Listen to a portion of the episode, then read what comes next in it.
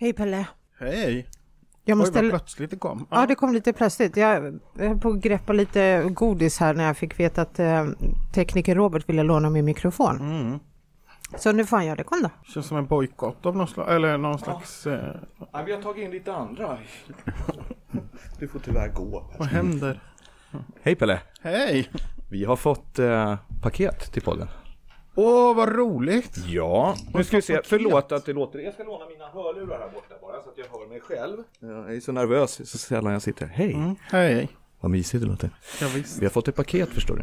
Men vad spännande. Kommer du ihåg eh, Saga och hennes mamma Kärran? Om jag kommer ihåg Saga och Kärran, Om. klart jag gör. Ja, de har Klart skickat ett paket till dig. Så jag tänkte, eh, du får det. Och så Men får du eh, gud. läsa högt och beskriva det du ser. Till dig Pelle för att du är du. Sluta aldrig podda. Kärran. Nej men gud vad fint.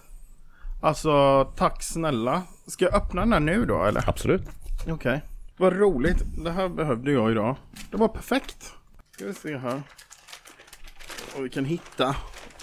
Kan du beskriva det här eh, presentpappret? början? Presentpappret är på typ dinosaurier. Mm. Och det var tydligen fritt att torka själv. Jaha, man ska tolka det på... Okej. Eh, ja men det lägger vi där så ja. Föddes du på dinosauriernas tid? Eh, det kan man tro. Eftersom jag är så vis. Ja just det. Så måste jag ha levt oerhört länge. Men, nej inte vad jag känner till. Men eh, Nej, just- det kanske är någon koppling jag borde dra nu som jag inte jag gör. tror inte det. Jag tror att Jag det blev kan att göra. överväldigad av det här. Ja. Ja, här är ju de här böckerna hon pratade med mig om. Kund hos Kosmos och en övningsbok för kunder hos Kosmos. Alltså det är precis detta. Pelle önskar dig lycka till med ditt beställande. Nej men gud, hon har dedikerat dem också. Tror denna kan vara till hjälp i ditt önskande beställande. Kram kärran. Nej men det här är bara, alltså det här är för mycket. Tack snälla. Nu ska det beställas hej vilt. Jag kan säga också att vi lägger ut eh, bilder på de här böckerna och med en liten beskrivning vad de går ut på. Vi har pratat om det här tidigare i podden. Ja, exakt. Ja. men det var jättebra. Toppen! Gud vad snällt. Alltså jag blev väldigt rörd. Tack snälla. Superkul. Då byter vi mikrofon.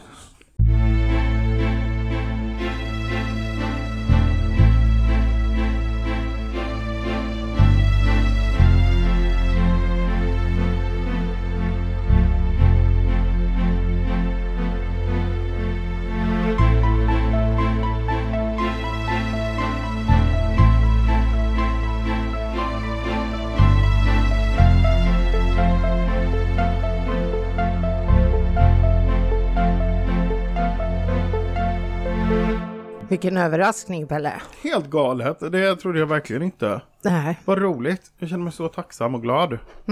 Det behövde jag verkligen. Det känns som att de inte riktigt litar på att jag kan beställa saker åt dig efter senaste avsnittet när du skulle ha en kofot till bilen. Så nu Nej, känns det som att nu Men får du... kofot på bilen, det var ju faktiskt, det var ju inte ditt fel.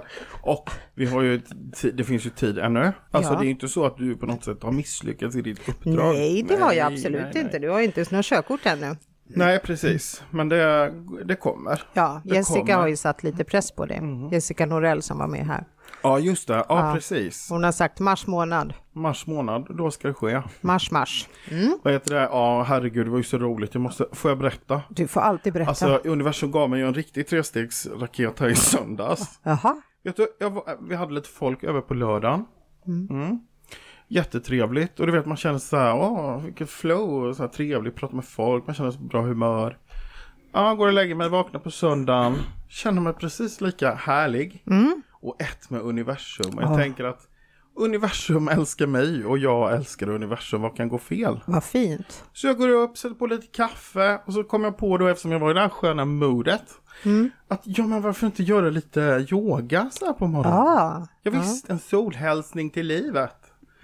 Så jag sätter på min lilla YouTube-film på tvn. Ja. Ja, och ska sätta mig på golvet. Och där börjar det ju bli lite så att universum kanske ändrar lite fokus tänker jag.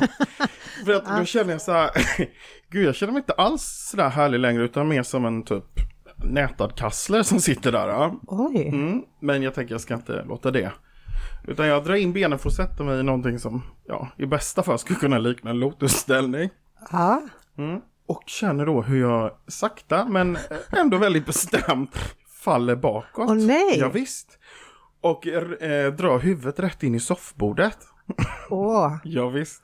Varpå att den här härliga känslan förbyts till liksom... Ilska. Ah. Men så tänker jag, ja ja. Jag ska inte gå in i den känslan utan nu ska jag bara vara så här härlig. Så jag tar lite kaffe istället.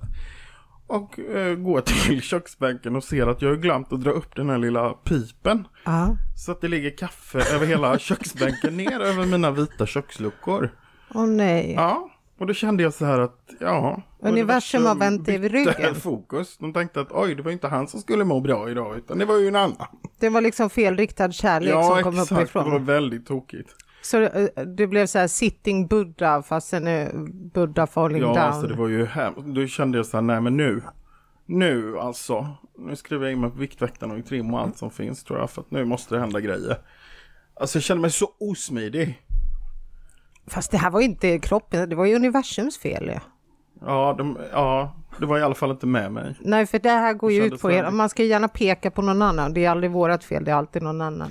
Precis, det är universums fel. Ja, men nu har du fått en bok, övningsbok för kunder hos Cosmo. Jag har faktiskt en bok som heter Reklamation.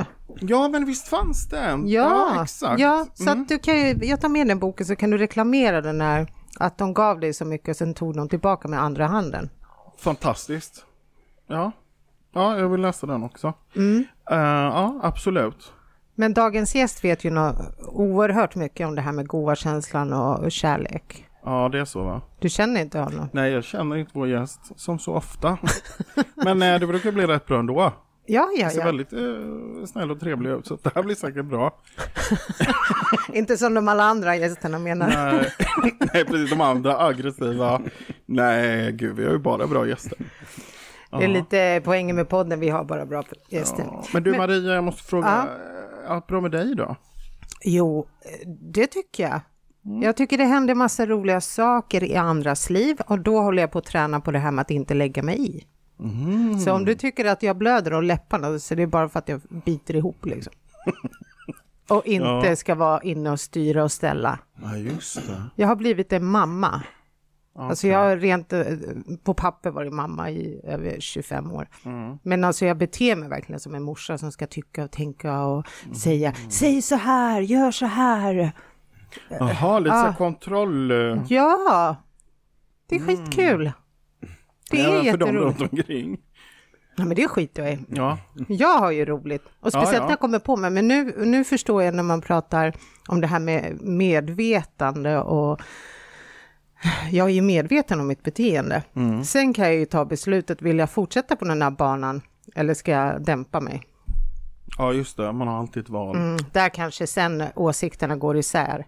Om jag tycker att nej, men jag tycker jag dämpar mig bra medan andra tycker att det gjorde du verkligen Ja, inte. men man måste... Insikt är ju första steget.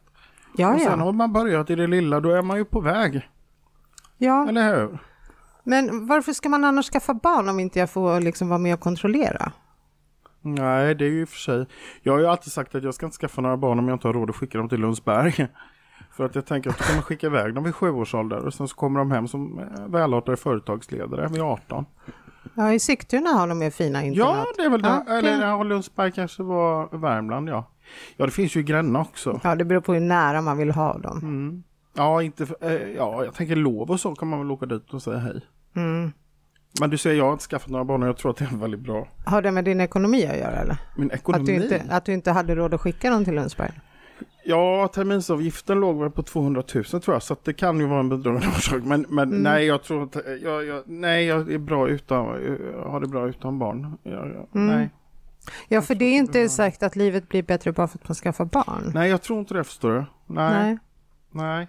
Mitt liv blev ju såklart fantastiskt när jag fick barn. Ja, men det är klart, har man väl skaffat dem så ångrar man sig väl förhoppningsvis inte, utan då, är, ju- då kan man väl säkert inte tänka sig ett liv utan.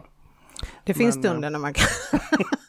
när man säger till Ja, dem att det var jag som gav dig ditt liv, det är jag som kan ta det åter. Alltså lite hotfullt sådär.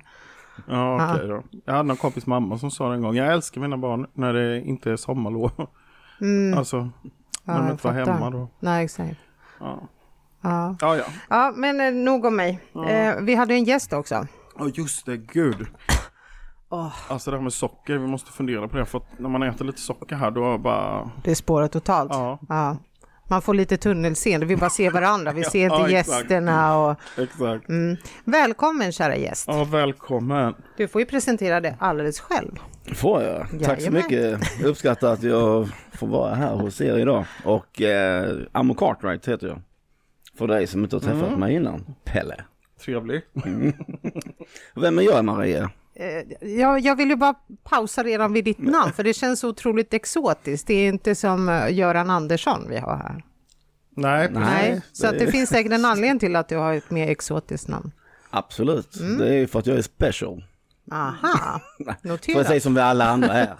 Jo, jo. Alla Men, är vi speciella på våra sätt. ja, det jag lovar. Det tycker ju till och med min psykiatriker. Ja, Men vad sa du ditt efternamn var igen? som brödernas. Cartwright. Ja, exakt. Det är ascoolt alltså. Jag vet. Det är ascoolt. Förstår varför jag ville bromsa här. Mm. Ja, jag förstår det. Pappa är från Bahamas. Är det. Och sen mamma är svensk. Aha. De har en egen tv-serie. Exakt. Som vi Va? startar har vi massa bröder också. Så att det är perfekt. Bröderna Cartwright. Ja, ja okej. Nu. Ja. Man ser nästan när han Jag är lite seg i starten. Nej, jag, men- nej, det- blir bra. Ja, Ja, mamma är från Stockholm men flyttade ner som ung till Skåne med hennes föräldrar. Eh, där eh, morfar då var från Småland. Eh, så att, Och från Småland. sålde Husqvarna cyklar. Han har egen cykelhandel. Och sen påbrå. pappa då från Bahamas. Så, så att, men han bodde i Sverige då och eh, så bodde han i Västerås när de särade på sig. Och, men då på ett sommarlov och vinterlov åkte vi alltid till Bahamas och det var ju helt, det var en dröm. Alltså, har man det bästa av två världar brukar jag alltid säga.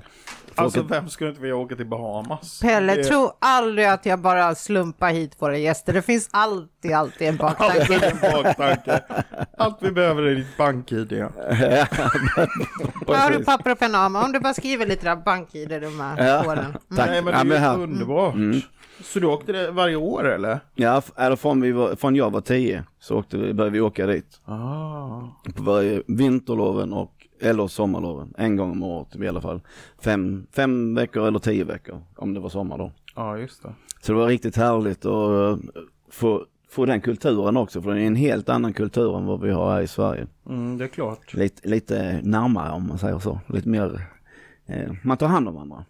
Ja precis. Ja, lite annorlunda. Men var i Skåne växte du upp då? Hässleholm, norra Skåne. Hässleholm, ja, ja. Om man åkt tåg så har man ju stannat där. Ja just det, just det.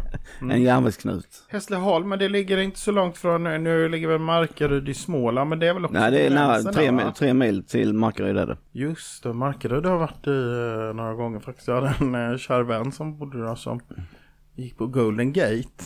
Som den lokala Ja, puben ja, hette. ja exakt, ja, det har jag varit. ja, det ser man.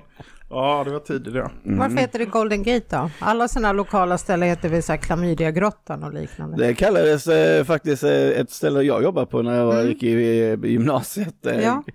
Tropic hette det men det, det kallades för Klamydiagrottan. Ja, just det. Vi hade ju P, stort, eh, eh, heter, am, eh, militär, eh, militärerna och sånt. P2 hette det då. Och då var det alltid onsdagar så var ju alla militärer ute. Så då blev det väldigt mycket klamydiagrottan. Jo, men det fanns i Markaryd också tror jag. Det var, hon berättade, det var så här, de hade något som kallas för gonorrébussen som gick till Ljungby, lasarett. Ja, gud. Då blev det här en helt annan podd känner jag. ja. Ja, podd de är roliga. Vi har en restaurang i Tyresö som heter Energikällan. Mhm. Och vi åt ju där ganska ofta, men vi döpte det till Kalorikällan för det var alltid ganska så här, Nosett med bea. Ja, just det. Så är Kalorikällan och Klamydiagrottan. Mm. Ja, Ja, men det är smart rent marknadsföringsmässigt. absolut. Snacket går. Ja, Ja. ja. det skulle man kunna tänka sig. Men eh, jag, jag, jag är kanske inte riktigt på den eh, linjen. Du är inte, okej, ja, ja, vi får ta en annan podd om det här med marknadsföring och Ja, bästa säljtips. Nej, exakt. Men eh, du var ju ganska nyligen med i Malou efter tio, heter det här. Ja, det stämmer. Ja. Och jag såg det här programmet. Och jag har ju träffat dig innan det här programmet. Eh, Jag kan säga att jag blev ändå väldigt, väldigt överraskad av det du berättade. Nej, så. Pelle vet ju ingenting vad vi Nej, han har ingen aning. Jag känner mig bara fett lurad. Jag hade också velat se det där programmet. Men det blir inte samma aha-upplevelse om du redan vet varför Nej. en gäst är här. För du berättade eh, just hur din barndom har varit och jag har aldrig förstått att du har haft det tufft i barndomen. Därför att den killen jag har mött har ju alltid varit den där färgglada, superglada, peppiga killen och då tänkte jag, åh jösses vilket bagage han hade. Uppenbarligen är ju det bagaget rensat. Absolut. För att annars så hade man väl aldrig orkat vara så där glad. Exakt. Nej. Och jag tänker ändå att du är så här genuin och äkta, så att det inte är så här fejkat glad som vissa kan vara. Utan Exakt. så, så berätta lite mer så Pelle inte sitter som en fågelholk här. ja, precis. Ja, men när mamma och pappa sär på sig när jag var tre så eh, då flyttade min pappa till Västerås och då bodde vi kvar hos vår mor och eh, jag vet inte om det mamma fick ett eh, något typ av psyk, psykologiskt eh, bryt, bröts ihop eller något liknande. Men hon började då utöva eh, våld och, eh, och särskilt eh, psykologiskt våld med, som jag kommer ihåg när jag blev äldre då, alltså 5, 6, 7 då. Att eh, man kallar mig för jävla negerunge, eller jag och min ena bror då, eh, för det. Så att vi fick väldigt mycket och att man var en värdelös negerunge och sådana grejer. Så, och det var väldigt jobbigt ju. Det var ju tufft. För man vill ju att sin mamma ska älska, man vill ju att hon ska säga jag älskar dig och tycker om dig och sånt. Och som ung då så var det eh, svårt, man vill alltid visa i skolan och i sport. Vi sportade väldigt mycket och var väldigt duktiga i mycket, både i skola och i sport. Så att, men hon kom ju aldrig och tittade och vet och kvittar hur duktig man var i skolan eller på sport så var hon aldrig där. Men så man försökte ännu mer, man gjorde, jag gjorde allt för att hon skulle säga att jag var duktig. Så, så jag egentligen gjorde det inte för mig själv. Utan jag gjorde det för hennes skull. Och det var ju det som jag senare i livet eh, lärde mig att jag ska sluta göra saker för andras skull utan göra det för att jag mår bra av det. Mm. Inte för att någon, någon, annan ska säga att jag är duktig eller liknande. För jag, jag vet ju att jag är duktig. Mm. Men det fattar jag inte då en, som ung. Och... Ja men det är klart ur ett barnperspektiv. Jag menar föräldrarna är ju hela ens värld. Eh, alltså mm. det är ju ens största idoler. Ja, det är ja, klart precis. att man vill att de ska vara stolta. Ja, exakt. Och någon som man bor med dagligen eh, och behöver gå hem till de personen och den hela tiden trycker ner dig, både med ord men också med våld. Eh, så att eh, det är ju tråkigt. Det är, tråkigt. det är ju så fruktansvärt eh, tufft det där med psykisk ohälsa när det tar sig sådana uttryck. Ja precis, alltså jag brukar, jag brukar när jag är ute och föreläser, brukar jag tänka, prata mycket om att, alltså det är som att, att man går ut i skogen och så möter du en björn och så björnen biter dig, släpper dig, du går därifrån men så går du tillbaka till björnen som har bitit dig. Det gör man inte normalt sett. Nej. Men här, när man är barn så har du inget val. Du måste gå hem varje dag och få det här slaget, få det här eh, misshandeln varje dag. Så att man hade ju inget val utan man bara fortsatte att gå dit och den här björnen eller vargen eller vad vilket monster nu vill prata om. Men visste du redan då att någonting var knas hemma eller var det normalitet för dig? Normalitet var det inte, som man var, hängde ju mycket hos vänner. Alltså, och där var det betydligt mm. annorlunda ja. med föräldrarna. Som det såg ut i alla fall när jag var där.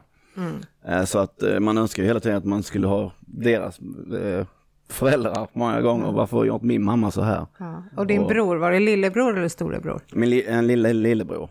Blev det då på något sätt att du tog den där beskyddande rollen? Absolut, ja. så är det ju. Alltså man, när han eh, Eh, när hon skulle ge honom stryk så försökte jag ju, om jag var där så fick jag ju ta det istället. Oftast mm. många gånger. Men det, det, det blir ju normalt. Alltså det blir normalt. Man vill ju skydda, jag älskar ju mina syskon och då vill man ju skydda dem.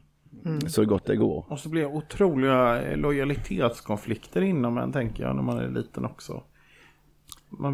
ja, fast man blir ju hospitaliserad. Mm. Alltså det blir normalt, som du sa, det blir normalt.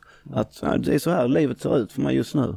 Så att, eh, jag kan inte göra mycket och som sagt jag har inget, jag har ingen rätt och alltså jag är liten, jag är 5, 6, 7, 8, 9, 10, 11, 12 år gammal. Vad kan jag göra? Men i, i skolan och så när du började i skolan, det var ingen som märkte det eller som agerade, alltså som... Eh, nej, alltså jag skulle vilja säga att eh, nej, men vi, jag var ju duktig i skolan. Så, så, det var ju min, det var ju min last att jag var så duktig. Men sen var jag också sprallig.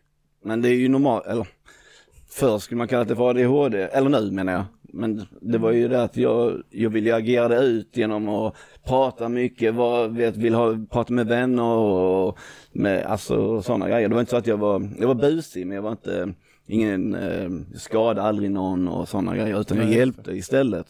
Eh, jag var ju brottare så att jag var ganska stark så att jag var aldrig rädd för någon. Eh, utan jag utmanade egentligen de som eh, mobbade andra. Eh, så men gå på mig istället. Eh, det var så. På det viset. Eh, så att, för jag vill inte, jag, eftersom jag fick eh, skiten där hemma. Eller man fick, ja, slag och sånt. Så tänkte jag, jag vill inte att någon annan ska få samma sak. Nej. Så jag hela tiden mötte, försökte hjälpa folk istället. Så, så jag, det blev ju en del slagsmål och sånt när jag var liten men eh, ung, särskilt i tonåren. Eh, men då var det mer eh, när man var ute och eh, festade och folk kom från eh, småbyarna runt omkring och kallade neger och hit och dit och då fattade inte jag på den tiden men då reagerade jag ju genom att slå. Eh, för det bara svartnade för ögonen för mig. Eh, och då slog jag en gång och så brukar jag alltid, det är rätt roligt för att jag försökte alltid hjälpa dem upp om de ramlade eller så. så förlåt, förlåt. För att det var bara, men jag ville aldrig slåss. Det var bara att de orden triggade mig. Ja, just det. För att jag kunde inte slå på min mamma, eller kunde men jag ville inte slå på min mamma. Så, Men när någon annan sa de orden, då blev det annorlunda för min del. Ja, så du fick nästan alltid ha lite så här plåster i fickan ifall du hör eh, the n-word. Så kan man lappa ihop dem som man slog ner i backen då. Ja, ja men precis, ja, men du vet har vänner och sånt som vill hoppa på. Ja. Jag alltså nej, nej, nej, nej, aldrig, nej. aldrig. Alltså, så det, det var ju, för, om man frågar mina vänners eh, föräldrar och sånt så sa de, "Ah, världens snällaste pojke och sånt, du vet, de tyckte jag var så snäll och, och det var jag också. Men, men just de orden triggade som sagt. Mm. Men din pappa fanns ju med i bilden. Men, men han jag- bodde i Västerås, så det, Ja. var ju, det är ju sex timmar med tåg och det, så vi var ju där på lo, alla loven och sånt och då var det ju allting som hev, eh, om man nu ska säga i, sådana terms, heaven. Så det var hell, eh, eh, heter det? himmel och jö- helvetet. Så att, eh, så då, och vi snackade ju aldrig, vi glömde, det var precis som vi glömde bort allt som var i Skåne och så när vi var där, så han fick ju aldrig, alltså han visste, eh, han borde vetat men han visste inte, eh, vi berättade i alla fall aldrig det för honom. Okej, så han hade ingen, nej han kunde inte göra något. Han kunde ju haft en aning egentligen om man ska vara helt ärlig, men vi Ja. vågade inte säga någonting. Och det, det tar ju mig vidare till nästa fråga, för då kommer vi in på det här med att när man har lämnat det där bakom sig, när man blir ung vuxen och kan lämna helvetet. Det här med förlåtelse då. Eh, Hur, hur kommer man in där när man verkligen känner så här helt hundraprocentigt att man kan förlåta sin mamma? Ja, men jag började ju eh, när jag var 20, då började jag jobba på ett psyk. Och när första dagen jag kom in på det här psyket, för det var genom min kusins flickvän som jobbade där och jag skulle sommarjobba. Och då första dagen, redan då, så märkte jag oj, vad många är lik min mamma i sättet. Och det är där, det bara, mm. Så började jag tänka, och så på, Börjar tänka, okej, det här kan ju vara, en- antingen tar jag det här som något positivt, där jag kan lära mig om min mamma. Hur ska jag prata med min mamma, hur ska jag ta henne och liknande. Så då börjar jag sitta mer med de boende än vad kanske mina arbetsuppgifter som att städa och sådana grejer. Så jag börjar sitta, kanske ta en timme och sitta och prata med dem. Bara ställa massa frågor, vad är deras värld? Inte, inte eh, säga, nej men så är det, så var det inte eller liknande. Utan jag bara var där och lyssnade på dem och visade förståelse och öppenhet. Så det var där min resa började. Mot att förstå min mamma men också förstå mig själv. Och hur jag kan prata med människor utan att reagera och istället agera genom kommunikation. Och Det blev som en skola. Ja, det blev som en skola. Så när sommarlovet, eller eh, sommarjobbet skulle ta slut så, så frågade jag om jag kunde inte kunde få jobba vidare och det fick jag. Så att eh, efter ett år av eh, studier, kan jag brukar kalla det för eh, självstudier, så tog jag mig mod och åkte hem till min mamma och eh, bad att få prata med henne. Och då satt jag där i tre timmar eh, vid matbordet och så eh, och hon, jag bad henne sitta där kvar, sitta och lyssna på mig. Och då sa jag, jag behöver prata med dig. Eh, och sen berättade jag allt som jag kommer ihåg från, jag kan vara fyra, fem år gammal till, till dagen då.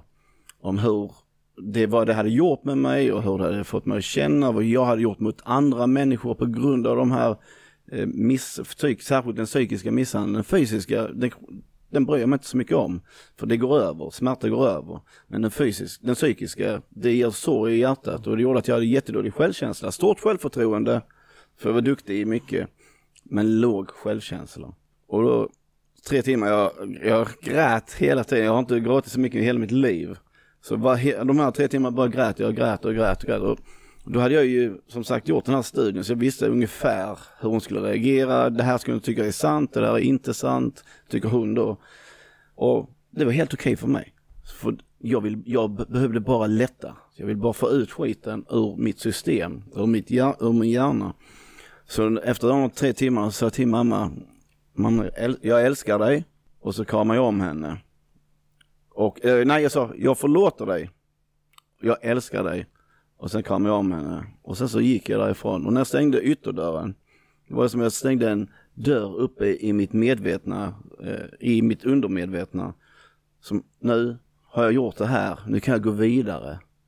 Och det är det var ju, alltså jag studsade hem eh, och så skrev jag direkt en, eh, en, en post-it-lapp. Där det stod, du är bra Ammo, jag älskar dig. Och så satte jag den på min badrumsspegel. Och så lovade jag mig själv att varje gång jag går på toa, och jag går på toa mycket för jag dricker mycket vatten och tränar mycket så, och sådär. Så då eh, skulle jag säga det minst fem gånger och titta mig själv in i ögonen. Och i början var det ju väldigt jobbigt, alltså man, inte jobbigt men jag skrattade lite mycket, jag var 20 år eller 21. Så att jag skrattade väldigt mycket åt mig själv, vad sa jag gör, vad håller jag på med? Men jag, jag hade lovat mig själv, jag ska göra detta. Jag måste testa någonting för att få mig själv att må bra på riktigt. För att jag mådde, jag var, alltså jag var ändå glad men jag var inte glad på hel, i helheten. Och då gjorde jag detta och efter så, ja, 9-10 månader så kunde jag ta ner den lappen och sa från mig idag är det jag som bestämmer hur jag mår, ingen annan. Och det var då jag började Golden Mindset, så att det är ju 23 år sedan snart. Vilken uh, rysare, alltså det är helt, helt galet. Men jag tänker din mamma... Så förlåt, på tal, förlåt, på tal om ah. förlåtelse så ah. säger jag till alla människor ah. att förlåt alltid. För du vet, alltså människor mår på olika sätt och mm. de har gjort fel mot dig, de har behandlat dig mm. dåligt. Men om du förlåter dem så kommer du att kunna gå vidare. Du förlåter dem för din skull, inte för deras skull. Mm. För det viktiga är att man, vi, vi tänker att det här är för mig. Så jag kan gå vidare till nästa steg. För många vill, nej men jag vill inte förlåta dem för att de ska inte känna att jag eh, tycker så här och så här. Men det är inte det som är viktigt. Vad tycker du är viktigt? Att du ska kunna gå vidare eller vill du ha det här i ditt undermedvetna hela ditt liv? Att du kommer tillbaka varje gång du ser mamma, blir du irriterad? Ja, nu, jag, efter det hade jag, jag aldrig haft bättre förhållanden med henne. Mm. Inte, för, inte för att det var superbra, men jag menar att det var bättre, vi kunde, jag valde ju sen att kanske inte vara där lika mycket.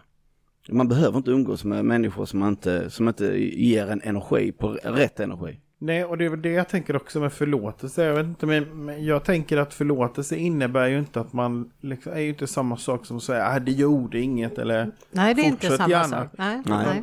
Det handlar ju mer om att förlösa sig själv. Ja, Exakt. Och jag hörde någonting väldigt klokt, roligt att jag hörde det i morse. Eh, att eh, det är som ett ormbett. Det är inte, det är inte bettet som dödar det är giftet som dödar. Det här som liksom fortsätter pumpa. Om man skulle se att du har gjort något orätt mot mig, du har bitit med Pelle. Så är det inte själva bettet, för du, du som orm kommer och biter mig så försvinner du. Utan det är det här giftet du lämnade kvar i min kropp som bara snurrar runt. Och det är mm. nästan så här, den här förlåtelsen som gör att det här giftet lämnar kroppen. Liksom. Ja, jag tänker fortsätter man att göda det där så blir det ju en oerhörd, eh, alltså man låser ju in sig själv. Man skapar ju sig själv ett fängelse till slut. Men det är det de flesta människor gör, tyvärr. Man har, man har eh, varit med om ett trauma och man bearbetar aldrig det här traumat på rätt sätt genom att egentligen prata med personen eller saken eller om saken, om det är en, en sak som har hänt på rätt sätt. För att om, om du har varit förövare för mig till exempel, det kanske inte är jättelätt för mig att prata med dig om du har förövat dig på mig. Men det är det absolut bästa sättet att försöka. Och näst bästa är att prata med en psykolog eller en coach eller vad det nu så du får ur dig det. Mm.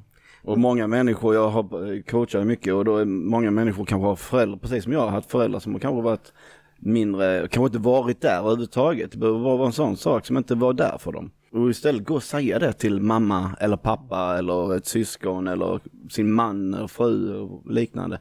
Det förlöser jättemycket plus att det skapar en medvetenhet för förövaren också. Eller för den motparten. Och Jag tror också att man får ju även tänka på det här i det lilla. Att det behöver inte alltid vara så stora saker. Precis. Alltid så att man har blivit slagen eller psykisk misshandel. Utan jag hoppas ju att om mina barn skulle känna att jag har gjort någonting jätte, jätteknas för dem som har gjort att deras eh, självkänsla är låg eller att de gör det här som du vågade göra med din mamma, att de sätter sig med mig och säger att nu, nu sitter du här och nu lyssnar du.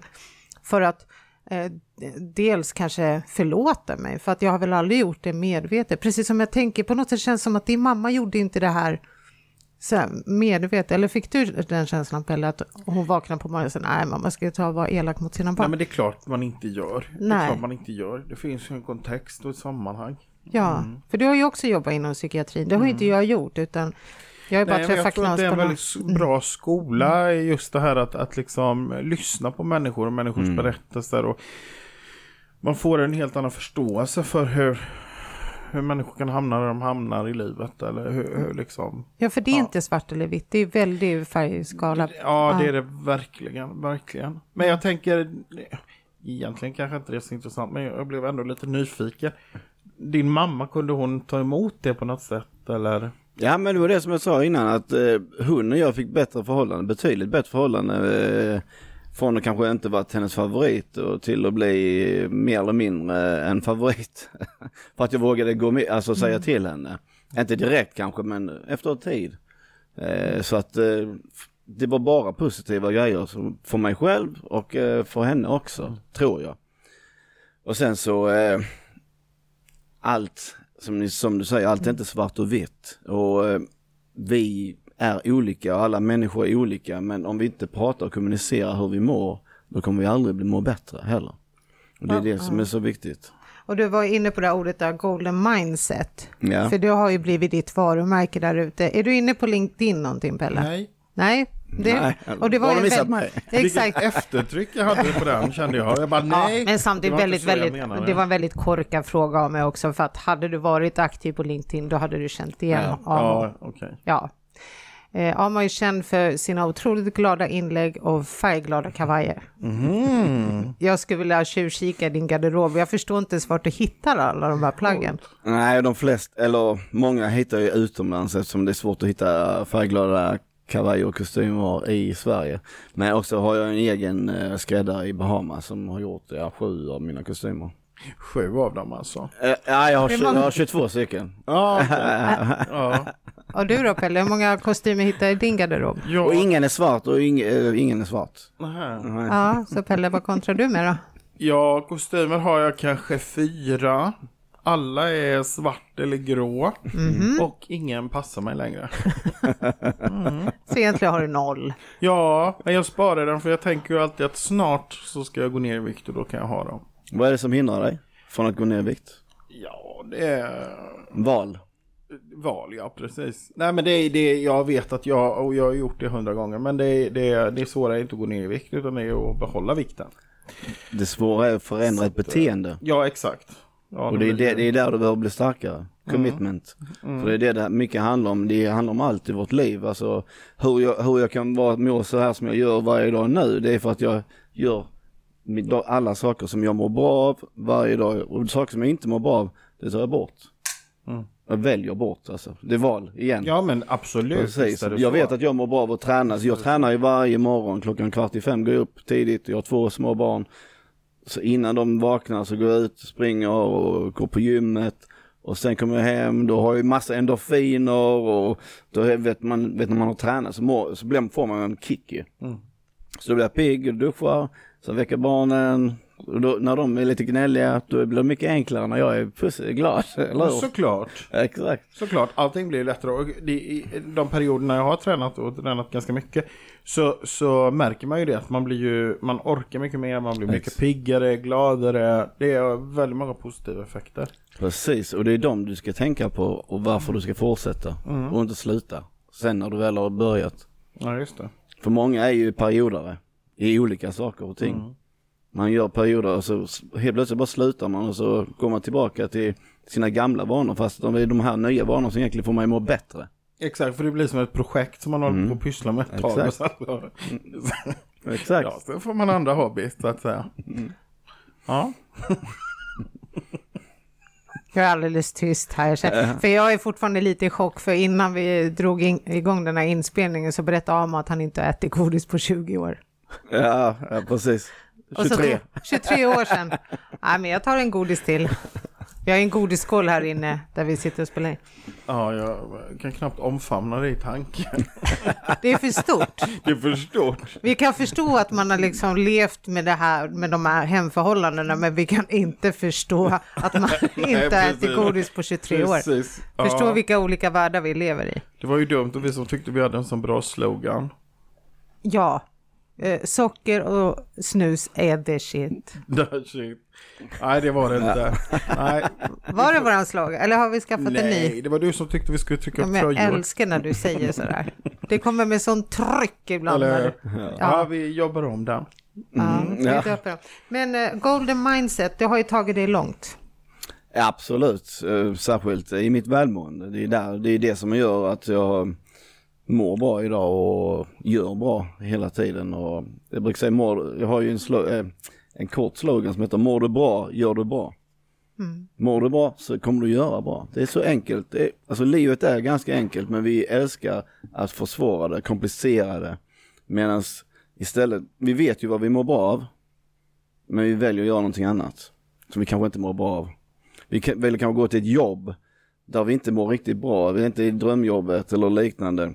Men vi vill inte sluta på jobbet och göra det vi drömmer om för att vi tjänar bra med pengar.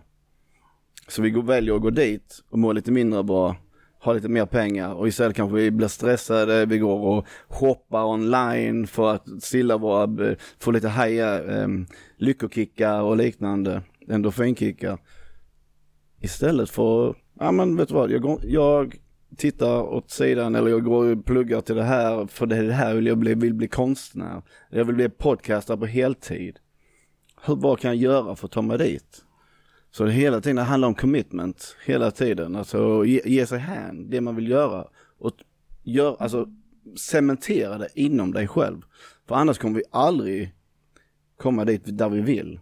Så det är det, det är, så Golden Mindset har jag gjort, jag har tagit mig ifrån eh, där jag var innan och hela tiden tagit mig små steg upp hela tiden. Och det är det som jag är jätteglad över att det har blivit genom LinkedIn för några år sedan blivit superstort och det var ju en eh, Alltså jag hade aldrig jobbat med LinkedIn innan och så provade jag LinkedIn så jag ska prova 30 dagar precis som jag gör med allt. Så eh, jag, eh, jag provar 30 dagar i rad. Så jag ska göra inlägg varje dag om vad jag tycker om och passion och då var det ledarskap, eh, självledarskap och eh, sälj då. Och så ingenting hände, ingenting hände, ingenting hände och sen helt plötsligt så hände, fick jag några likes och sen blev det några like, fler likes och kommentarer. Och efter en månad så hade jag väldigt mycket likes och väldigt mycket kommentarer. Och eh, då sa jag, ja men det här är ju, och så hade jag ju en spridning på säkert 10 000 visningar och då hade jag bara 300 kontakter. Så jag bara wow, vilken, eh, vilken effekt eh, LinkedIn har. Så då fortsatte jag. otroligt. Exakt, och då fick jag massa förfrågningar och då var jag anställd på ett stort internationellt företag. Och då fick jag massa förfrågningar om jag kunde föreläsa. Så, ja, ja, ja, det kan jag väl. Så då kontaktade jag fem föreläsare som jag hade kollat upp.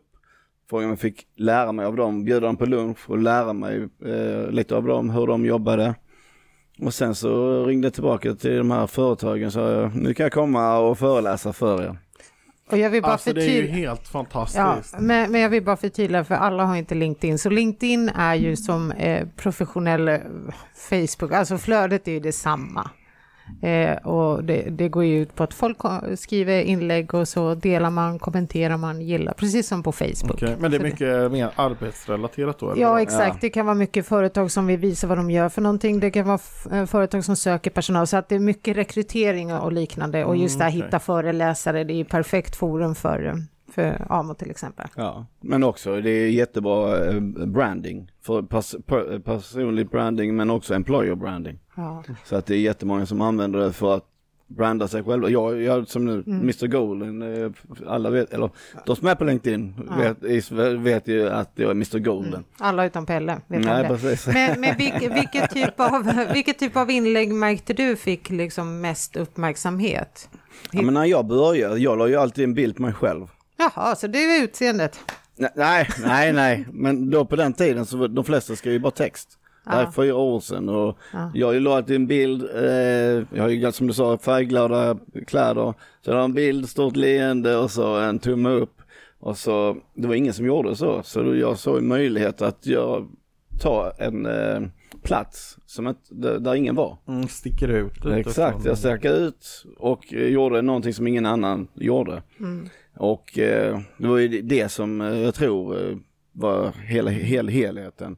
Att det blev så stort och sen efter bara någon månad så hade jag ju ja, 2018 snittade jag ju ja, 80-90 tusen visningar per inlägg och jag la ut varje dag. Åh herregud. Men det som också tyckte jag var viktigt, eftersom du och jag har ju träffats live, vi har träffats Ja, ja. på nätverksträffar Exakt. och, frukostar och liknande, det är att det måste, det du lägger ut, det måste liksom matcha med den killen man möter. Exakt, Ja, exakt. för att det är redan så mycket så här fake, titta på mig hur lycklig jag är. Precis. Och sen så vet du att, ah, ja, sanningen är inte lika fin. Men det är det som har varit så unikt, jag tror att det är det som gjort att det har varit så hållbart för dig. Precis. Det är att alla vi som möter dig i yrkeslivet tänker så här, men shit, det här är ju äkta.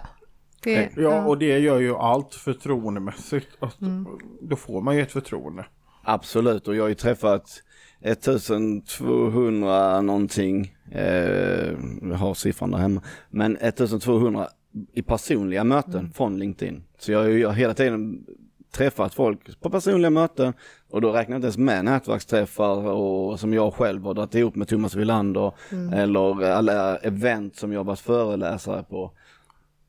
Men Så- det här med, med, med, med i takt med att eh, det här liksom slog igenom, eller vad man ska säga, byggde du då ett koncept kring Ja, alltså det, egentligen var det ju eh, alla på LinkedIn som byggde konceptet eh, och jag bara hängde på.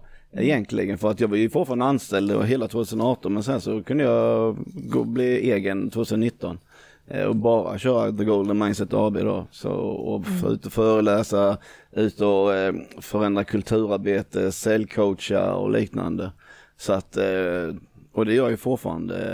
Det är fyra år senare, så att, eh, eller tre, tre år senare blir det. Så att eh, det har blivit, det, det handlar om att när man ser möjligheten, jag brukar säga när man inte är klar i huvudet och inte, man är stressad och det är mycket som händer i ens liv, du reflekterar inte så mycket, då kommer du aldrig se möjligheterna. Då ser du istället svårigheterna. Jag såg, jag såg, jag, var, jag är ju, jag reflekterar otroligt mycket dagligen och efter varje möte mer eller mindre. Så att jag ser ju alltid, jag såg möjligheten direkt när de här 30 dagarna. Och här är möjlighet att kunna göra någonting annat i framtiden. Så jag, jag jobbar sakta, jag brukar säga jag är som en sköldpadda. Jag jobbar sakta framåt. För kaniner springer snabbt. Men jag jobbar sakta och bara bygger upp min, min eh, tr- eh, vad heter det, skölden som sköldpaddan har. Den blir bara större och större. Så jag kan ta in mer och mer kunskap och sen leverera hela tiden. Eh, bra grejer. Så att eh, det har ju varit jättebra. Jag har haft jättemånga stora företag som jag har jobbat med. Så, och det är allting genom LinkedIn. Jag får ju inkommande hela tiden. Jag gör inte ett enda utgående samtal. Men här, eh, om vi ska pr- prata lite olika termer, för du säger golden mindset. Ja, De senaste avsnitten, Pelle, det har ju handlat mycket om eh, manifestation, alltså att man beställer saker, att man hamnar på en viss energi. Det drar ju åt sig personer och händelser som matchar eh, frekvenserna. Och, och jag frågade dig också tydligen, så, ah, vad, det här med andlighet och vad du, och där var du lite tveksam att du, du kanske inte, att du inte trodde så mycket på det här med andlighet och det. Men vad, vad fasiken ska vi dra den där gränsen nu då? För det är samma sak vi har diskuterat det här med bön. Eh, vad går gränsen mellan bön och, och eh, liksom manifestera och be om att få bra saker till sig? Mm. Jag tänker att allting, vi- alltså så som jag tänker så, allting vibrerar ju på en energifrekvens. Alltså, vi dras ju till människor som eh, vi gillar, alltså som man är på samma våglängd med. Och jag tror att, alltså, eh, bönen, alltså, till exempel att, att skicka ut en bön, det är också en, en energifrekvens som vi sänder ut. Eller det här med attraktionslagen. Eh, Man befinner sig på en speciell nivå. Det behöver inte, man behöver inte dela in det i sämre eller bättre. Utan man bara vibrerar på olika nivåer och attraherar det med olika saker. Men uppfattas inte jag som väldigt sprallig och skojig och lite lustig om jag säger att ja, men nu beställde jag det här från universum och folk som inte vet hur jag ser ut, de tänker säkert att jag har lite så här eh, tovigt hår och allmänt flummig. Fast jag har ganska tovigt hår, kommer jag på nu. Men eh, man kanske skapar en bild om hur jag är. Medan om jag skulle säga, ja, ikväll ska jag be en bön. Då kanske jag... Ja, du menar så att man, ja just det, att man Det- har det- olika approach och sätter olika Lite ord fördomar på och liksom bild på hur det går det. till. Mm, jo men så är det väl, vi har väl alla lite fördomar. Jag har dubbelt så många. Hur menar du? Nej men jag, jag är så snabb i hjärnan så att eh, om du har hunnit skapa dig en så har jag två, tre. Mm. Ja men det är väl, Jag säger inte att du är lite slow i huvudet. Alltså det var inte det jag sa. jaha, där kom den då. Nej, Härskarteknik. jag är ju oerhört pigg. Men vad heter det? Ja, oerhört pigg. Men vad heter det? Ja, nej men det är väl olika hur man, hur man är, eller ja. Hängde du inte med nu? Nej, jag tror Tappade du? jag hängde med, jag är ju lite långsam som vi precis fick veta. Så att jag, jag hänvisar till föregående talare. Ja, jag försöker bara få fram det här med att om man säger att jag ska be en bön och sådär. Det, Mm. det känns ju direkt att, ja men åh, så religiöst då. Medan om jag säger att, Men det ja är men nu vad ska du jag be själv en lägger in i det, tänker jag. Vad är skillnaden mellan manifestation och bön? Ja, men bön, jag tror att det, det kanske är vem man tror är mottagaren. Det är Ja. önskningen. Om man tänker sig att jag ska be en bön, då kanske man tänker att det är Gud jag talar till. Men alltså om jag ska manifestera eller lägga en beställning, då är det det här kosmos och Men vad är skillnaden på Gud och kosmos? Det är här vi är väldigt oense. Eller? Eller har Ja, vi... du vet inte. Här killgissar vi inte Pelle, det kommer du ihåg. Här, det här är kalla fakta Nej. i poddform. Nej, jag tror inte, alltså jag har inga pro- problem med, man kan väl kalla det vad man vill. Jag tror allt är samma källa. Gud eller universum eller... eh, Det är vi människor tror jag som har ett väldigt behov av att kategorisera saker och göra dem förståeliga. Helt kan rätt!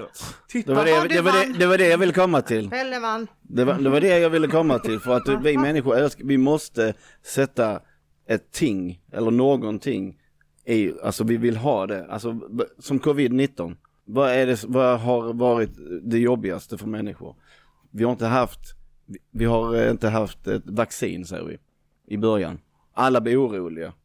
Varför är de oroliga? För att många dog, ja visst, men de som dog var ju oftast äldre som är dåliga sjuk, sjukdomar och de, lika många dör i influensa, 600 000 dör i influensa varje år som är äldre.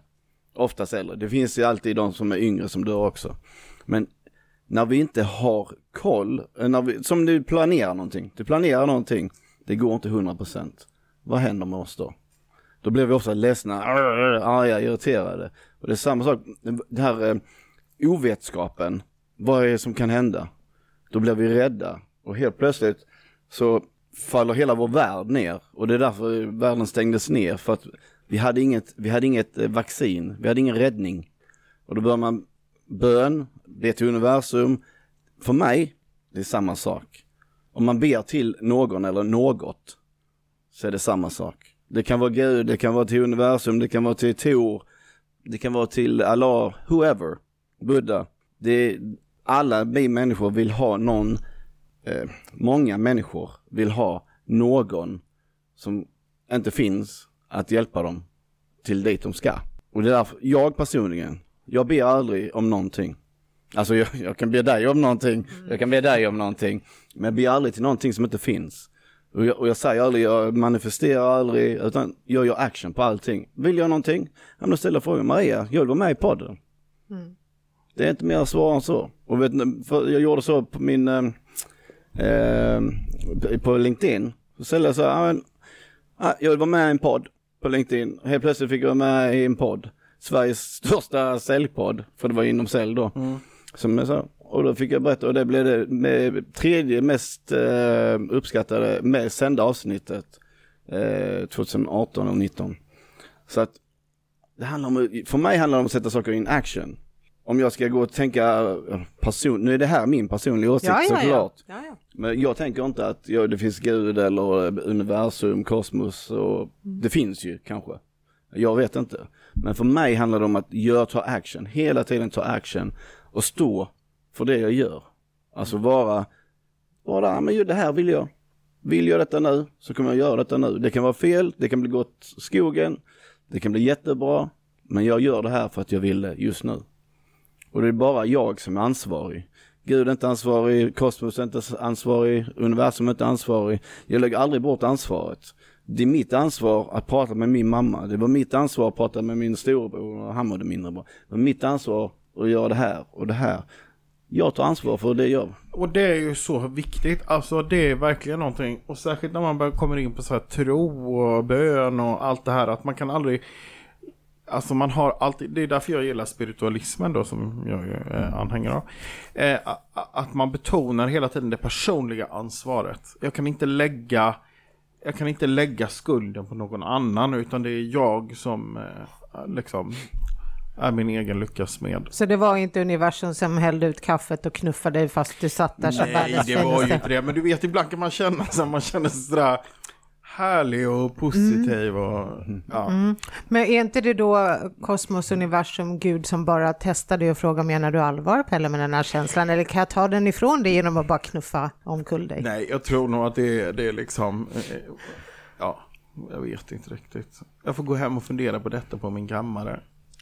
Men nej, men jag tror att eh, eh, man har själv ett ansvar. Man kan inte hjälpa allt som händer runt omkring en, men, men man kan eh, bestämma hur man agerar på det och hur man, hur man ja, förhåller sig till saker och ting. Exakt.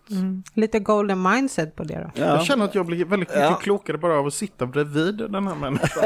Men det var ju Det är bara... som en transferering av... Ja, Ja. fast det här, jag tror att mycket bottnar i att han precis sa att du hade rätt i någon diskussion. Ja, jag minns minst fyra meter. Ja, för du, du har liksom per automatik satt dig lite närmare honom och tagit större avstånd till mig. Alltså. Populist? Nej, absolut långt ifrån. Jag bara, vad var det för ljud? Ah, det är kappvändaren. det var bara Pelle som vände sin kappa.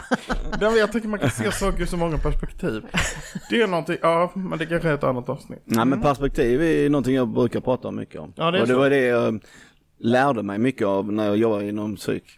För jag var, i, jag var kvar i nästan tio år inom psyk för att jag, jag, jag älskar att hjälpa människor. Och perspektiv, att inte döma dig för att jag vet ju, jag måste lyssna och förstå ditt perspektiv om du har sagt mindre bra saker till mig eller om har sagt bra saker. Men var kommer det ifrån? Hur, vad är, jag vet ju inte. Så jag måste ställa frågor hela tiden och lyssna för att förstå, inte lyssna för att svara som de flesta människor gör. Man lyssnar för att svara direkt. Boo. För, ja, för det, det kan jag känna så här många gånger, att folk säger till mig så här, ja men säg vad du tycker, vad tycker du? Är det bra eller dåligt? Ja. Men det är också, det kan jag känna så här, men det handlar ju om vilket perspektiv man har, var kommer man ifrån, vad har man med sig? Och en annan sak om man ska tänka lite så här mindset och, och Pelle, du och jag, vi pratar inte så mycket vid sidan av om det här med podden. Nej. Vi, vi pratar ju bara när vi spelar in avsnitten. Mm. Och vi sitter ju aldrig och diskuterar så här poddens framtid eller nu ska vi ha konferens om podden. Men jag, jag säger här och nu i direktsändning att halva grejen med, med podden är ju att alla människor ska få komma hit och säga sitt. Och sen märker jag den här goa känslan man får när man får möjligheten att ge. Till exempel när vi, vi har en Facebookgrupp som heter Uppvaket.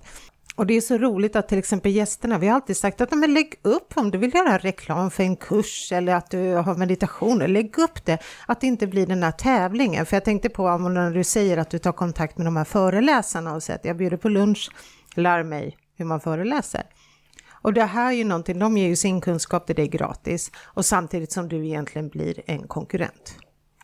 Och jag kan inte heller se liksom alla dessa poddar och alla dessa utövare som vi möter, de blir ju aldrig konkurrenter utan Nej, det är ju bara roligt och man får ju till, Ja. vi får ju till oss så mycket. exakt för att ju fler vi är som tycker om samma sak, det, det smittar ju. Så att, Och det kommer alltid finnas underlag till oss alla. Kolla bara på vaccinet. Vad tänkte du på då? Att, Ju fler vi är som tycker samma sak. Vad tycker folk av de som inte är vaccinerade? Det är det jag menar. Ja. Ja. men jag bara försökte, Ja, mm. så här, där har hela media och politiker och allt försökt sig på. De har gjort detta så att människor är typ i masspsykos, som jag brukar ut, eh, säga. För att helt plötsligt så börjar alla ha vaccin och har du inte vaccin då kan du, då får man skit. Absolut. Om man inte ja, tagit ja, det. intressant att se hur, hur liksom lätt det blir konflikter alltså mellan eh, familjer, vänner. Det är Exakt. helt galet. Exakt. Men det, det är det jag inte förstår, vad det var som var så speciellt med det här vaccinet som gjorde faktiskt att folk gick isär. Alltså verkligen. Folk vet inte själva. Nej, för att det är så här, släktingarna slutar träffas, alltså är Mm. på grund av att de är oense. Att du är inte välkommen hit. Mm. Och du får inte göra det här, jag vill inte träffa dig. Tänkte, jaha, så mycket för den kärleken. Ja exakt. och för, för ett vaccin. Ja, men titta på, alltså, det behöver inte bara handla om vaccinet. Det är ju så med många olika saker. Vi har ju pratat med Leo, en av våra gäster som växte upp inom Jehovas vittnen till exempel. Ja. Där man får, där eh, familjen tar avstånd, där man börjar ifrågasätta och lämna liksom. Eh, Det ligger i människans, jag vet inte, det är något konstigt vi har för oss. Mm, för att vi ska ju också tänka om man nu tar det här med vaccinet och det här att vi ska ju fortfarande vara vänner när det här allt är över. Så kommer vi att liksom mötas på att skaka hand och förlåt för det där som jag sa till dig då eller nu är du välkommen hem till mig igen eller hur ska vi bete oss efter det här? Alla har ju fått visa sitt rätta jag. Det var ja, väldigt precis. naken diskussion. Alla har ju fått bekänna färg. Japp, ja, men det är ju samma, det är som i krig och liknande. Som jag tänkte bara på gamla jugoslaviska kriget. Där familjer som någon som var serb och någon som var bosnier. Helt plötsligt så krigar de mot varandra. Fast de hade älskat varandra i år. Men helt plötsligt var det, var de tvungna att välja sida. Och då började man döda varandra. Och det är vaccin, det är typ samma sak. Men nu dödar vi inte varandra. Nej. Utan vi, vi psykologiskt eh, jag, jag, jag blir psykisk misshandel nästan på varandra. Alltså man tar inte hand om varandra. Istället för att visa varandra kärlek så trycker man bort vissa personer. De som inte är vaccinerade kanske säger till den som är vaccinerad, du är ju helt knasig som tar vaccinet, du vet inte vad som är i det och, och liknande. Och det kan vara tvärtom då. Men är det bara jag eller, alltså för jag kan få en känsla av att allting har blivit mycket mer politiskt, alltså man står i varsitt hörn liksom. Bara all, eh, titta på politiken, titta på, ja men som USA, eh, har aldrig varit så delat som det är nu. Eh, jag tycker överallt så folk har en tendens att lägga sig i varsitt dike. Ja men det är, jag tror ju mycket på, för sociala medier. Det sprids så- mycket snabb, snabbare och folk som har stora plattformar, formar, de kan ju, om jag är antivaxare säger vi, eller men det finns något som, det är ord som bara hittas på nu. Men någon, jag som inte, jag tar inte vaccinet. Och så har jag en jättestor plattform och så pratar jag om det och så får jag anhängare. Och så och någon som har tvärtom. Det sociala medier är sån impact alltså idag för att alla är på sina telefoner. Och är Alla kollar Facebook och, ja, exakt. Och nu blev ju Spotify indraget i den diskussionen också. Mm. Eh, Att vem ska, är man i protest lämnar ni spelar inte mina låtar på Spotify om Ja, ni låter det. den här människan säga det här. Så att det Mm. blir ju otroligt stort. Men om vi ändå ska prata eh, Amerika. Mm. Vi, jag är så modern. Visst läste jag att Hollywood har hört av sig till dig? Nej, inte Hollywood. Nej, men, Eh, kan men- inte vi bara döpa det till Ja, Hollywood för det känns lite, var med med henne på det. Nej, NBC, eh, en tv-kanal i USA, hörde av sig. Ja, det är lite Hollywood för mig. Ja, fast Ja. det var på östkusten dock, men... eh, Ja, men det finns säkert Hollywood där också. Exakt. Den östkustiska Hollywood. Ja, precis. Och de intervjuade mig för eh, vara programledare ledare i ett eh, program eh, i USA. Hur... Men det var jag och många andra så att, Ja, jag var ja, bara glad det- att, de, eh, att de har sett mig och Ja, Att, att man får eh, bli intervjuad så att det var jättekul. hur hittade de dig? Ja, sociala medier. Ja, ja, ja, ja det är säkert. Jag har säkert skrivit på våran Facebook-sida någon gång att Amos ska vara här och sen har BBC, Hollywood, Ja, jag exakt. Ja, s- precis. läste det. Ja, jag fattar. så Vi är så stora. Vi har inte hybris eller så. Nej. Alltså vi är väldigt... Nej, nej, precis. Nej, vi Ödmjuka. simmar på Nej, vår lilla, vår lilla flod. Lilla ankdamm. Ja. Ja, men jag uppskattar att de hörde av sig och att jag fick Ja. vara med på en intervju. Sen vet jag inte om det blir någonting. Men det är Men det är ju, skitsamma. det kvittar Ja, precis. faktiskt. För mig kvittar det. Jag är bara glad att de har sett mig. Ja, och inte- grej. ja Alltså- precis. Och bli intervjuad för USA, eller en tv-kanal i USA, det är ju inte... Det var ingenting jag hade tänkt på kan jag säga. Och det är ingenting jag hade önskat mig eller manifesterat eller bött en bön om heller. Nej, Utan det det bara händer. men det är det här jag menar action. Och jag gör ju action hela tiden på LinkedIn och på so sociala medier och aktivt när jag träffar människor och då händer grejer.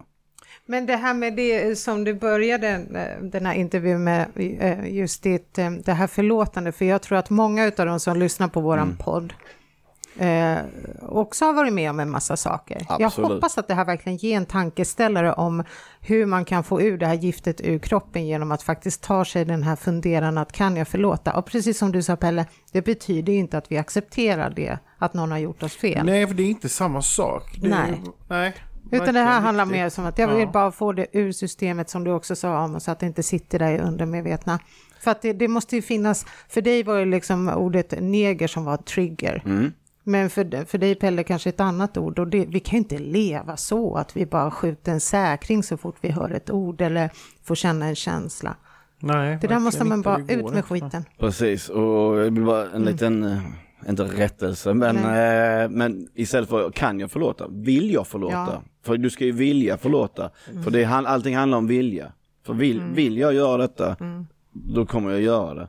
Vill jag inte, ja då kommer jag inte göra det. Ja. Men du ska försöka få dig själv till att vilja saker som du tror du kan må bättre av. Och jag tror, jag vill och vill alltid förlåta människor. Jag vill alltid förstå människor, vill alltid möta, möta dem med öppenhet och med kärlek. Oavsett hur negativa de är. Jag gjorde ett inlägg idag, jag vet inte om du såg det Jag har idag? inte hunnit kolla på något. Nej men om igår så kom det här eh, på The Park där jag sitter. Så hade de en liten AV för att fira eh, restriktionerna som var slut. Och då kommer det fram eh, någon som jag aldrig sett innan och så här, är det inte du som är Amo Cartwright? Så jag, jo det är det. Alltså jag tål verkligen inte det. Alltså du kommer upp i mitt flöde hela tiden på LinkedIn. Va? Och du är alltid så jävla glad. Och, jag, alltså, och så skriver man någonting och så är, du neg- så är jag neg- lite negativ. Och så hittar du en fint sätt att eh, bemöta mig och, med en lösning. Jag blir så irriterad varje gång. Så han, men vet du vad? Det du gör, då, det fastnar ändå i mig. Jag tittar ändå på dig, fast jag vill bara lägga på. Och när jag sen får fler anställda, då är det dig jag kommer höra av mig till för att peppa dem. För att ge dem sälj eller ledarskapsutbildning och liknande. Det är det dig jag tänker på. Så du har gjort ett riktigt bra jobb. Och sen, om jag ska, vara- han var helt, eh, han var jätteöppen och hade självinsikt. För så, jag mår ju dåligt för att du gör saker som jag vill göra. Du säger saker hela tiden, att du tränar, du gör det här, eh, du möter människor med kärlek och liknande. Det vill jag också göra egentligen. Men så tittar jag på mig själv i spegeln, så det gör inte jag de här grejerna, så då, då vill jag ha en blame, eh, skylla på någon. Och då blir det du som får skiten, sa han. Ja. Och sen gick vi och spelade pingis och nu ringde han mig idag, så nu ska vi ses på måndag igen. Vet, ska, möter man människor, ja, för jag mötte han med kärlek och vi jag sa, uppskattar dina ord och vi kan inte alla gilla varandra och så är det. Och, men vi, han, till slut så gillar han mig. Men det är, det är återigen, det är en annan grej. För när det är äkta och när det kommer inifrån, då finns det ju inget bättre och mer powerful. Men när det blir det här, äh, du vet, kladdiga, såhär, och carpe diem. Alltså då, då backar man ju. Okej, men jag ska alltså- hem och riva ner de här orden jag har på väggen. Bara så. Förlåt. Nej, det var, nej men du fattar vad jag menar. Ja. Att, att liksom när det blir det här, ja det finns inga, inga liksom, det, bort, alltså det finns ingen, äh, vad ska man säga? Substans i det. Nej, Nej, substans, precis. utan det blir... Men, men, för jag har ju också lyssnat på en så här finsk, eh, eh, Sami heter han, han är hypnotisör och mycket så här mental coachning. Och han är också så att det här är någon som skriver, för han får ju väldigt mycket skit. Men han säger att ja, men jag skriver bara, jag älskar dig, typ, hej då. Det är hans svar på allt skit. Men jag, jag kan tänka mig att skulle jag skriva något, jag skulle göra det så jag skulle byta ihop och så, så jag älskar det. Sen, det skulle säkert ryka om de där bokstäverna som skickas iväg för att det är så mycket ilska i dem. Men han menar på att det är bara så du ska bemöta. Bara säga jag älskar dig, tack ska du ha. Och så bara släpp det. Fast, fast eh, okej, då får jag bemöta Sami här. Eh, Sami, eh, du, skriv inte bara jag älskar dig, för, för det kommer bara få dem att brinna ännu mer. Utan skriv någonting med substans. Ja.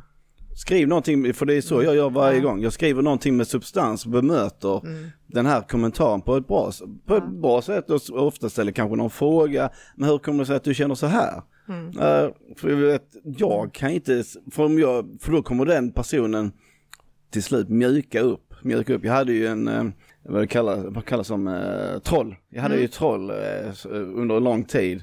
Som skrev massa mindre bra saker till och med att eh, han frågade, men hur skulle du agera om din dotter blev våldtagen?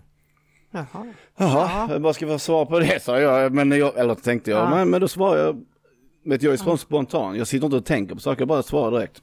Så då skrev jag, ja men eh, Bubbo, jag, jag, om eh, min dotter skulle bli våldtagen, jag skulle definitivt inte eh, eh, göra någonting mot de här gärningsmännen. För om, min, om jag gör någonting, vad händer med mig då? Jag kanske åker in i fängelse. Vem ska då, ska, hur ska jag kunna ta hand om min dotter då? Det jag skulle göra är att åka till min dotter och vara där med henne och lyssna på henne, vara där för henne. Inte säga att allting kommer att bli bra, utan bara vara där för henne. För om jag går och gör någon gärningsdåd, så det är inte, det är inte så jag agerar. För det var, en, det var jag, hade, jag skrev ett inlägg när jag blev rånad. Så, så på väg hem från ett, eh, ja, när jag bodde här i Bromma. Från, eh, jag hade varit ute. Och så kom det några killar, lite yngre killar och frågade mig om pengar. Och så, eller frågan, de vill ha mina pengar. Det var ju fint Ja, ja, inlindat. Ett rån kallar vi det för här i Ja precis, ge mig, mina- ge mig dina pengar. Alltså hade jag 500 spänn på mig. Det är rätt många år sedan. Men så gav vi dem eh, 500 och så, så hade jag inget mer. Så jag har tyvärr inget mer. Eh, och så började de gå. Och så, så kallade jag tillbaka dem. Killar, killar, killar, jag har en grej till. Och då tog jag upp min klocka så här. Det här är en Omega C-Star, den kostar 50 000. Ni kan säkert få 30 000, 40 000 för den så, jag, på eh, svarta marknaden. Ta den, ni verkar behöva pengarna mer än mig. Och då var då han kommenterade, skulle jag, det är ju, du, du främjar då deras beteende.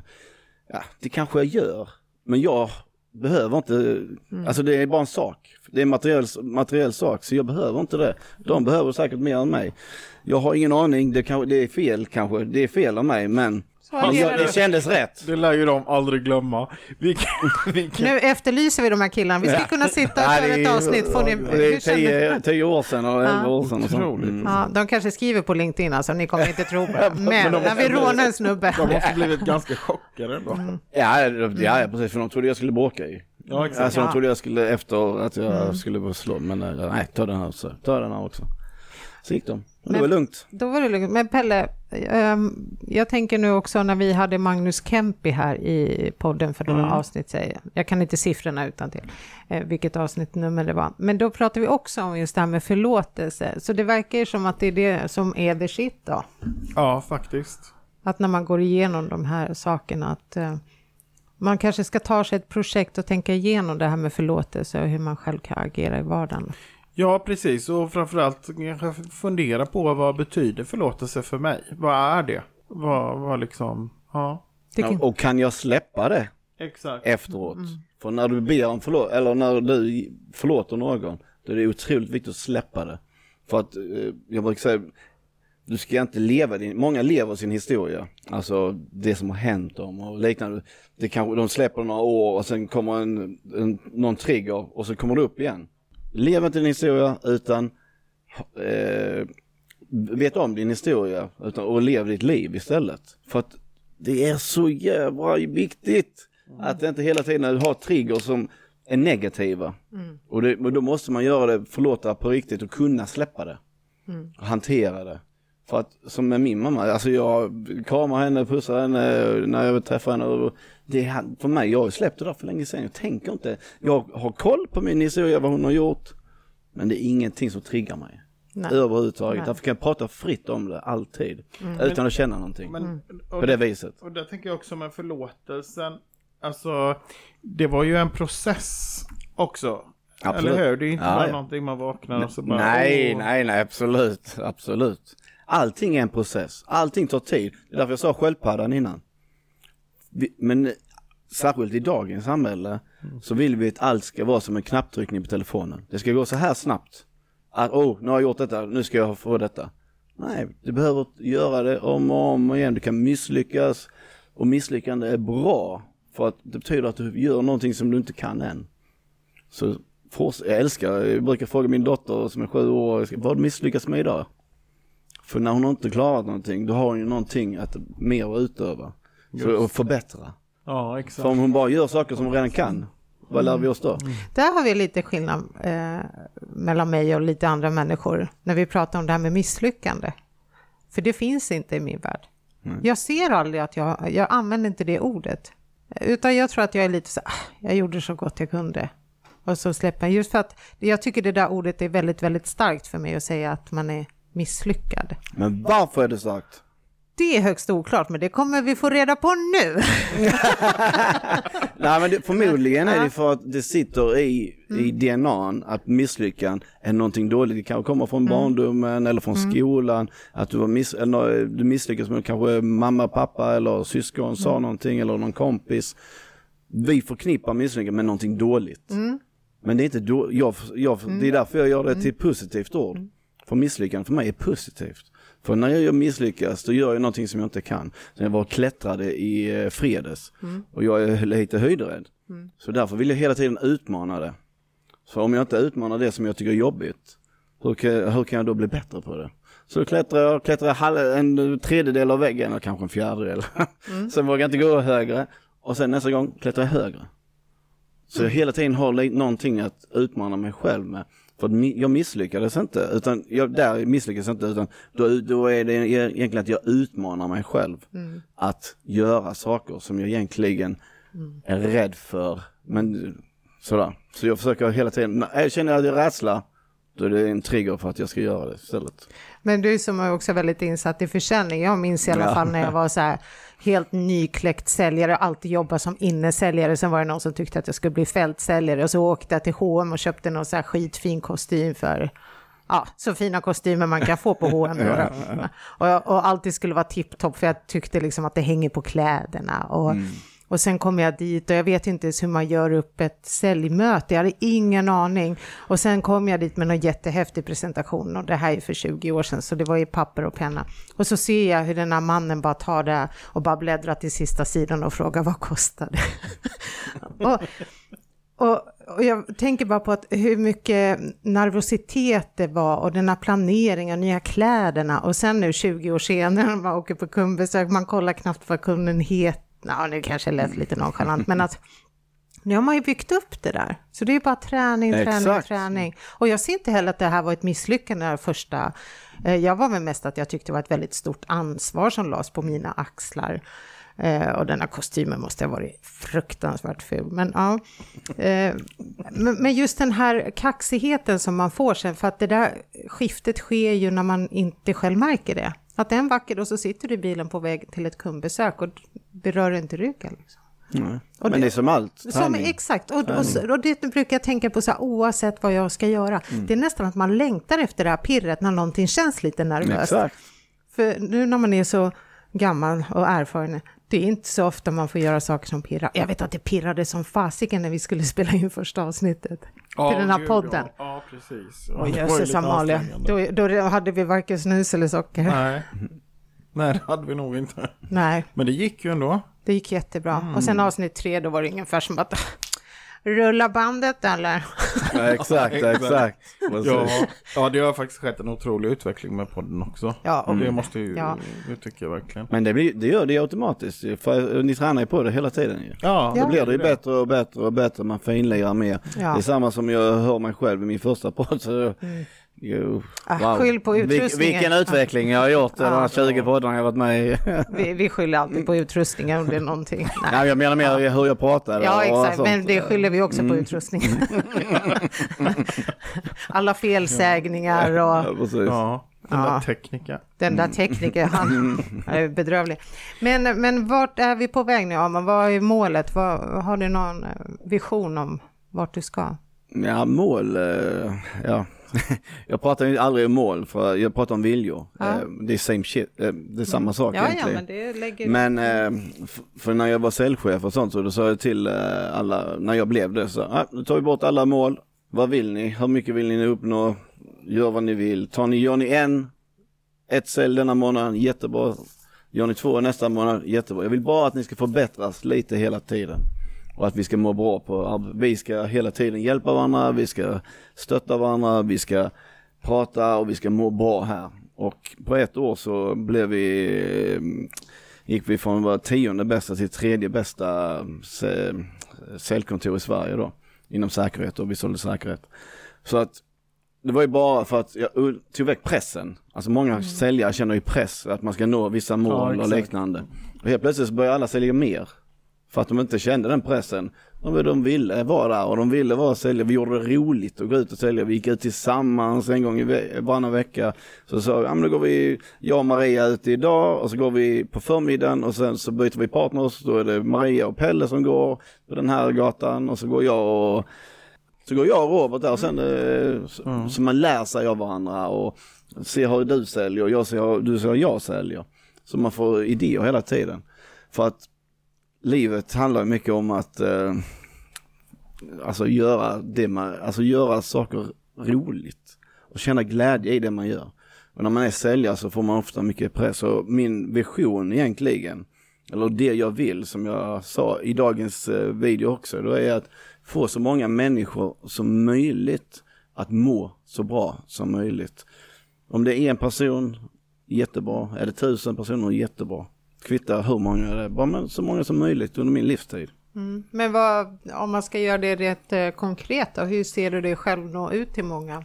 Ja, det gör, det gör jag genom LinkedIn och, eh, och Mm. Ja, alla utom Pelle då, men jag Nej, okej, ja, men, och, Jag är lite på Instagram och, men också så jag, träff, jag har ju väldigt mycket föreläsningar och nätverksträffar och, och sånt. Och där får jag också mycket, det blir mycket eh, både företagen men också privat, där folk kommer till mig privat och, och pratar och sådär. Så att eh, Ja, jag jobbar sakta men säkert framåt som jag sa och det har ju gått, det har blivit en snöbollseffekt på det hela kan man säga sen jag startade LinkedIn eh, 2017, hösten där. För det blir det inte väldigt lätt, jag tänker om man har mål, eller om man säger liksom, ja vi har det här målet. Det är lätt att man kanske bara stirrar sig blind på det där målet och så ser man inte alla de här andra grejerna som skulle kunna hända eller vad det skulle kunna ta vägen eller att man, att man låser sig på något sätt. Precis, och det är ju samma som jag sa innan med planering. Jag brukar, de- säger så, if you fail to plan, you, you plan to fail. Jag brukar säga så, if, if, if you, um, eh, om, du lyckas och planera så, lyck, så kommer du planera att misslyckas. för, för att ingenting, jag har, aldrig, varit- jag har aldrig varit med om det i alla fall, att någonting har gått 100% enligt min plan. Och när det inte, många människor, när det inte går så som jag vill att det ska gå, så blir vi arga, ledsna, besvikna och de mår mindre bra. Utan, ja men i den här riktningen, jag brukar säga, jag tar den här riktningen. Hit, hitåt vill jag. Sen kommer det hända, precis som du sa Pelle, så kommer det hända saker på vägen. Och då är jag öppen. Okej, jag, ah, jag bör ta vänster här. Jag bör gå åt detta hållet istället. Och det var det som hände till exempel med LinkedIn. Alltså, ja, ja, det är det etta hållet jag ska gå mot, mot eh, att föreläsa. Så då jobbade jag sakta i ett år ungefär drygt. Och var då anställd samtidigt. Och så hade jag föreläsningar under det året. Och så, så jag kände mig tryggare och tryggare. Och, och fick större och större också, eh, eh, mer och mer förfrågningar.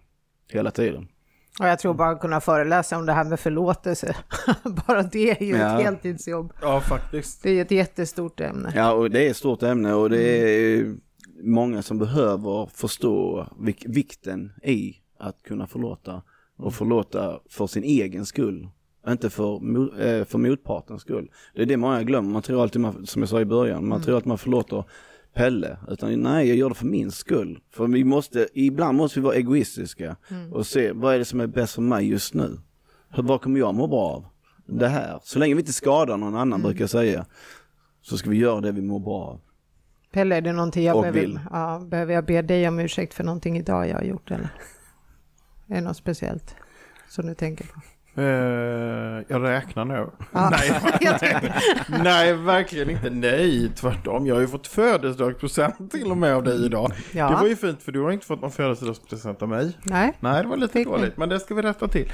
Men det var ju jättefint med kaffefilter och allting. ja, två och sådana. snusdosor i ett kaffefilter. Ja. Det, det var vad de hade att bjuda på i presentpapper. Och det var inte bjuda på för Var det jag... inte hamburgerbrödspapper om jag får Jo, det var hamburgerbrödspapper Ja, faktiskt. jag är lite äh, Nej, men det är sant för att jag... detalj. Jag känner mig både sedd och utvald. Ja, för jag, jag... Först tänkte jag, jag tar det här pappret, men så kände jag som att jag hade stulit det, så jag var tvungen att gå till kassan och säga att du, jag tar det här pappret. Och hon sa att det gick bra. Och då kändes Vad roligt att, om hon hade sagt att nej det är fan inte okej. nej, Ett exakt. öre tack.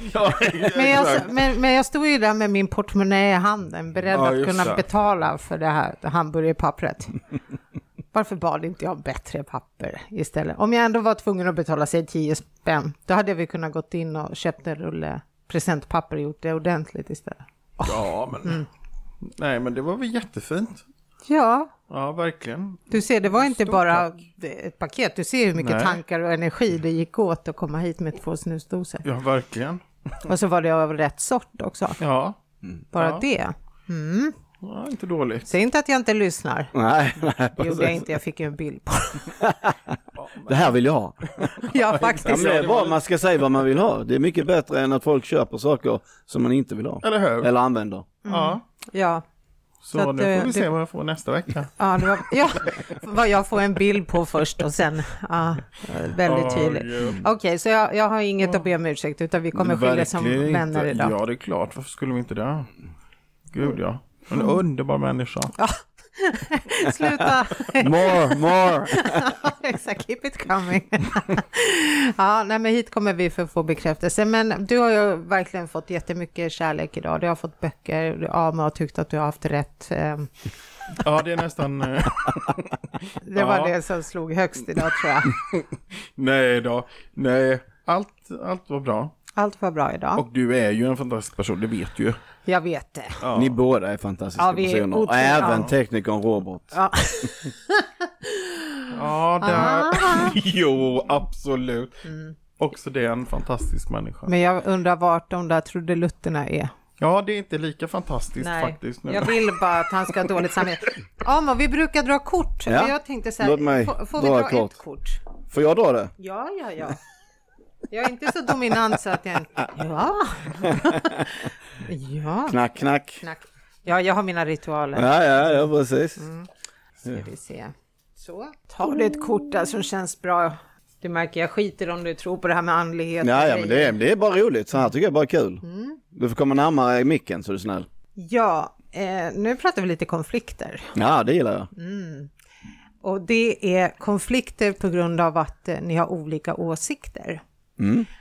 Gå ifrån det här dramat. Eh, om inte du verkligen känner att det är värt den här tiden. Men annars om du känner så att nej, det här ger mig ingenting så bara gå därifrån. För det och stå upp för din sak. Gå inte därifrån liksom med axlarna ner och säga ja, ni fick rätt, utan gå, gå därifrån som en vinnare. Eh, och det pratas om väldigt ambitiösa människor. Känns som att det är väldigt ambitiösa människor du kommer att träffa också. Men viktigast nu att hålla dig borta från drama.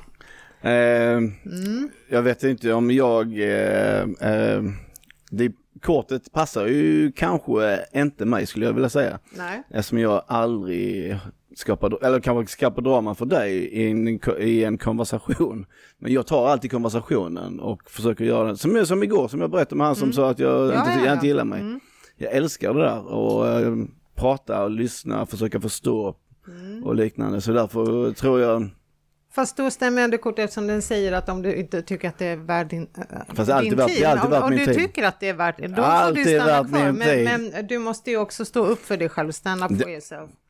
Nej jag Ja. visste Eh, Jag går alltid som en vinnare oavsett om jag har förlorat. Så eh, okej, översatt så här. Okej, fortsätt tjafsa med Ja, fortsätt fortsätt tjafsa. Ja. Se nu sitter vi här och Ja, kan det man var, säga. ja.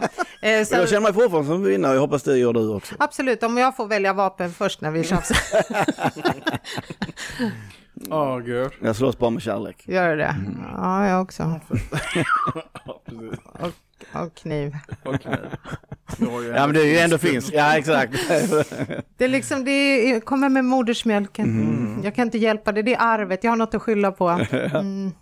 Vem var det som sa det? Inte sära, bara rispa. det säger vi alla finnar. Mm, Men, men allting löser sig i bastun, eller hur? Eh, absolut. Det är Mm. där vi föds, det är där vi dör. Exakt, så då tar, är man ovänner så går man in i bastun och så pratar man ut i värmen. Ja, eller så Det är jättebra begraver vi någon bakom bastun. Eller under bastun. Bastun har en väldigt central roll i mitt liv. Ja, det är så. Grannen tycker bara att min ugn är extremt stor inne. Den är väl så här 1,90 lång. Ja, det är så. Ja, vi kallar det för krematorium bara för skojs skull. Så, så lite skämtsamt. Jaha Ja, du, eh, vad har vi mer att tillägga då? Nej, jag har nog inte så mycket mer att tillägga. Jag tycker det var otroligt roligt att få eh, lyssna på din eh, berättelse. Det är ju, det som känns som att, eh, att du, hela du är ett stort ånglokomotiv som kommer in med frisk eh, energi. Jag känner mig... Eh, Jag tycker det Det här... uppskattar jag Ja. att du känner. ja, ja, men absolut. Det är så, eh, ja, otroligt. Och det är väldigt hoppfullt också, för jag tänker på att jag kan, om det är någon gång jag kan känna ilska så är det när jag tänker på alla barn som far illa. För det, det tycker jag är fruktansvärt. Men det här ger ju också hopp om att nej, men det är inte kört för de ungarna. För att det, Nej, det är det inte. det är inte det, för att vuxna beter sig fruktansvärt illa. Men du är ju det levande beviset på att ja, jag bara för att det började illa betyder inte att det kommer sluta illa. Och det är jag och många andra som är levande bevis. För att det är, det är ett val man gör. Alltså jag hade ju vänner som började knarka, jag har aldrig provat en drog. Så vänner som började knarka och bete sig illa och vara kriminella. Men jag gjorde inte det, för jag gjorde ett val att nej, det, jag vill inte vara den personen. Jag vill vara den personen som gör sitt bästa och inte gör de här mindre bra sakerna. Så att i alla kan vi göra val i livet. Och det är ju valen som sen kommer leda oss i en riktning. Och sen kan vi, som jag brukar säga, man kan vara 40 år och komma till insikten. Man kan vara 60 år och komma till insikten. Det är inte för sent förrän när du slutar andas. Så vi kan alla göra en förändring fram tills vi dör. Det var ju kloka avslutande ord för Ja, idag. verkligen, verkligen. Tack för idag. Tack Ja, Arnold. tack. Jag uppskattar att vi fick komma. Tack snälla. tack, tack.